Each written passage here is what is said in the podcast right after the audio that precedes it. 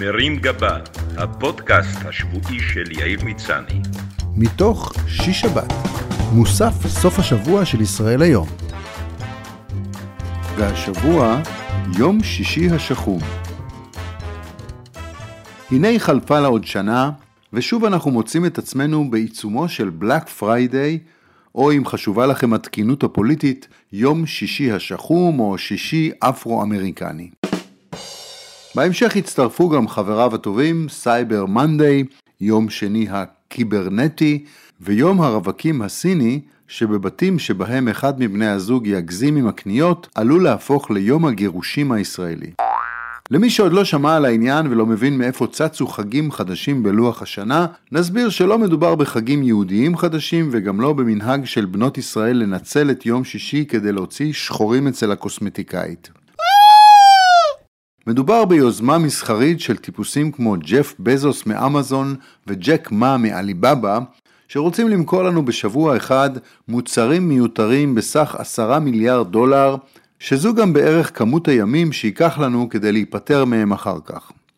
לעבדכם הנאמן יש למשל, לא ממש על דעתו, חפצים שנמצאים בסטטוס שבין אחסון לטווח ארוך לטובת צבירת אבק, לבין השלכה לפח האשפה. כולם נקנו במבצעים נוסח שישי שזוף או שני ממוחשב, ודי מהר התברר שהם שייכים דווקא לרביעי מיותר או לחמישי שמטס. יפי. לדוגמה, חישוק תאורה שהוא גם מעמד לטלפון לצילום טיק טוק, שכבר אינו מאיר, אבל גם אי אפשר לעשות איתו הולה הופ, מתלה לבגדים שהיה במקור הליכון משוכלל, אבל כף אדם כמעט שלא דרכה עליו, ומי שקנה אותו קרוב יותר לשימוש בהליכון של קשישים, מטען לסלולרי שאמור להיטען מאור השמש ומיועד לשמש את הקטנה בטיולים שבהם היא עשויה להיקלע חלילה לכמה שעות ללא שקע חשמלי, וכיוצא באלה. בניגוד ליומרה הסולארית שלו, המטען הנ"ל לא הצליח לקשור קשרים עם השמש ולהיטען דרכה. נראה שהוא דווקא סובל מאלרגיה לשמש וכמעט שהתפתיתי למרוח עליו קרם הגנה. כולנו אוהבים לקבל מתנות ובמיוחד מחו"ל. פעם קראו לזה הדוד מאמריקה, והיום זה כנראה מגיע ממשפחה פחות קרובה של עובדי דחק מסין, שלא ישנו שבועיים כדי לארוז לנו את המתנות שימתילו לנו בסניף הדואר או בפיצוצייה הקרובה, שיותר נכון לקרוא לה חבילייה או עליבבייה.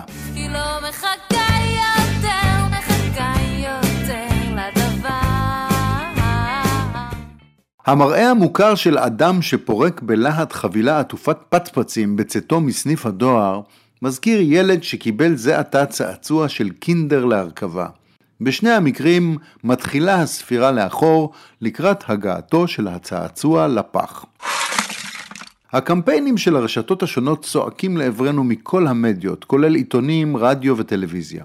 רשת אחת שאינה אונליין הגדילה לעשות והעלתה פרסומים מלגלגים וחינניים על הקנייה אונליין עם קיצורים בנוסח TLS, תמדוד לפני שתיקח, MLT, משש לפני שתקנה, ו-BYZZ, בואנה זה זול.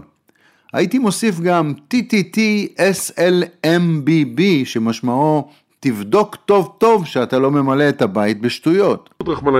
Black Friday מתווסף על ה Valentine Day, יום המשפחה וכמובן דמי חנוכה, מועדים שכולם מכבידים לא רק על לוח השנה, אלא גם על האוברדרפט. שכן, בניגוד אלינו, אף אחד מילדינו לא מתכוון להסתפק בכך שנתפור לו בגד עם כיסים ונמלא את כיסיו באגוזים. מקור השם לא ברור, ואני תוהה אם זה קשור לשחור בעיניים שנקבל בעוד חודש, כשיגיע החשבון של כרטיס האשראי, או שמא זה קשור לאימה שתוקפת את אנשי המחשבים והרשתות ביום שבו כל העולם ורעייתו יושבים על המחשבים, מחפשים דילים ותוקעים את האינטרנט בצורה שלא מאפשרת קניות. מכיוון שהחגים הנ"ל אינם חגים דתיים, אינם חלק מהמסורת, ובמשנה אין מסכת עליבאבא מציעא, הרבה סוגיות הלכתיות בעניינם נשארות פתוחות. מעניין למשל מה עמדתם של פוסקי הדור בעניין קניות שגלשו מה Black Friday אל תוך השבת. האם במקרה של מכורים לקניות וקמצנים לא מדובר בפיקוח נפש? והאם מותר ליהודי להפעיל לצורך הקניות בוט של שבת? כעם מרובה חגים וטקסים, חשוב שנקפיד להבדיל בין החגים שלנו לבין חגי הקניות, כדי שבדורות הבאים לא יתערבבו המנהגים ונמצא את עצמנו צורכים לקראת יום הרווקים הסיני סופגניות בטעם חמוץ מתוק או אגרול ממולא בריבה לזכר נס המחירים אשר חוללו הרווקים, כשתוכנית חיסכון שהייתה אמורה להספיק לתשלום משכנתה אחת, הספיקה לשמונה משלוחים שונים מעליבאבא.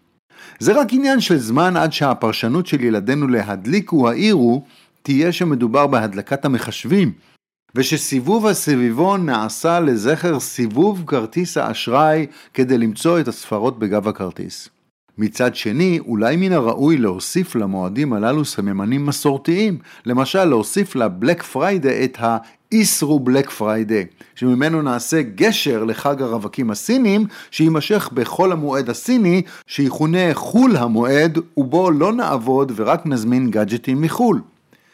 כצרכנים נבובים וסקרנים נשאלת כמובן השאלה מה אומרת העובדה שהמחירים בימי החגים הללו כל כך נמוכים והאם העובדה שאנחנו משלמים פי שלוש בימים שאינם חגי מבצעים לא מעידה על כך שבהנהלת עליבאבא אכן יש 40 שודדים ושה Cyber Monday הוא תכלס פרייר Monday עניין נוסף שצריך להידרש אליו הוא כמות הפלסטיק, הקרטונים וחוברות ההסבר שנוספים עם כל חבילה שהזמנו.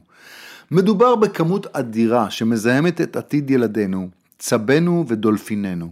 למען ההגינות צריכה להישאל השאלה מה מזהם יותר, למלא את הבית באמצעים למשחקים וירטואליים כמו מחשבים וטלפונים, או למלא את הבית במשחקי קופסה ולגו מפלסטיק כמו פעם.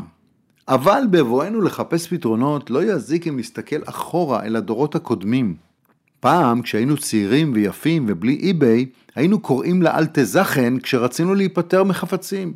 הוא היה בא עם סוס ועגלה, אוסף את הג'אנק שלנו ומוכר אותו למישהו אחר. אלטזכן, אלטזכן. אולי הגיע הזמן לחזור למקורות, ושבוע לפני ה Black Friday, לקיים את ה Junk Friday, או את יום האלטזכן הסיני, שבו כל אחד יוכל להיפטר מהגאדג'טים המיותרים שהזמין בשנה שעברה, ולהעביר אותם למי שכן צריך, שבעצמו ייפטר מהג'אנק המיותר שלו. ככה כל אחד יוכל ליהנות ממוצרים מיותרים חדשים בלי לבזבז כסף ולזהם את הסביבה. כדי להרגיש בינלאומיים, אפשר לקרוא לזה עלי זכן. שיהיה חג שמח וחסכוני וצום קל לאוברדרפט. מרים גבה, הפודקאסט השבועי של יאיר מצני. מתוך שיש שבת. מוסף סוף השבוע של ישראל היום.